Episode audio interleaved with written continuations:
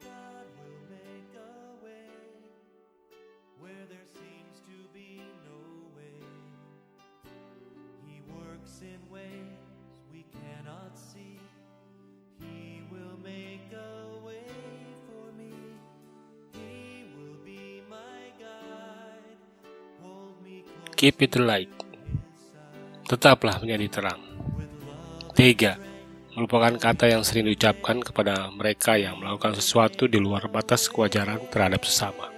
Kita mungkin akan berkata, sungguh tega jika melihat ada seseorang anak yang ditelantarkan oleh orang tuanya, apalagi dituduh sebagai penyihir. Hal inilah yang dialami seorang balita berusia 2 tahun, bukan hanya ditelantarkan, bahkan ia dianggap penyihir oleh keluarganya sendiri. Sungguh tragis. Bocah itu keadaannya sangat mengenaskan. Badannya telanjang, kotor, kurus, cacingan, dan kelaparan. Selama 8 bulan ia harus hidup di jalanan. Dan hanya makan dari makanan bekas yang dilempar orang untuknya. Beruntung ia ditemukan oleh seorang pekerja kemanusiaan asal Denmark, Anja Rigger Lovern, pada tanggal 31 Januari 2016 dan ia diberi nama Hope. Saat ditemukan, tubuh Hope terlalu lemas. Ia hampir tak dapat berdiri jika hendak minum air dari botol. Kini ia telah mendapatkan perawatan intensif dan tubuhnya telah berangsur membaik. Meskipun hukum yang berlaku di Nigeria, termasuk di Akwa Ibom, daerah tempat Hope ditemukan, bahwa menuding seorang anak sebagai penyihir merupakan tindakan kriminal. Namun tetap saja tuduhan tersebut terus terjadi. Bukan hanya Hope, ternyata ada ribuan anak yang dituduh sebagai penyihir.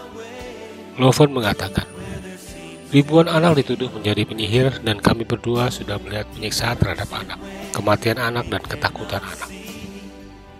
Loven dan suaminya, David Emmanuel Umem, saat ini telah mendirikan panti asuhan untuk menolong mereka.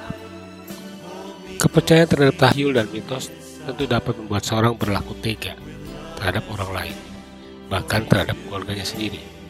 Seperti halnya yang terjadi di Aqua Ibom, sebagaimana dikatakan oleh Sam Ikpe Itauma, pekerja lokal bagi jaringan rehabilitasi dan hak anak, bahwa ketika seorang anak dikatakan merupakan seorang penyihir, memiliki kemampuan spiritual sihir yang dapat membuat anak tersebut berubah menjadi seperti kucing atau ular.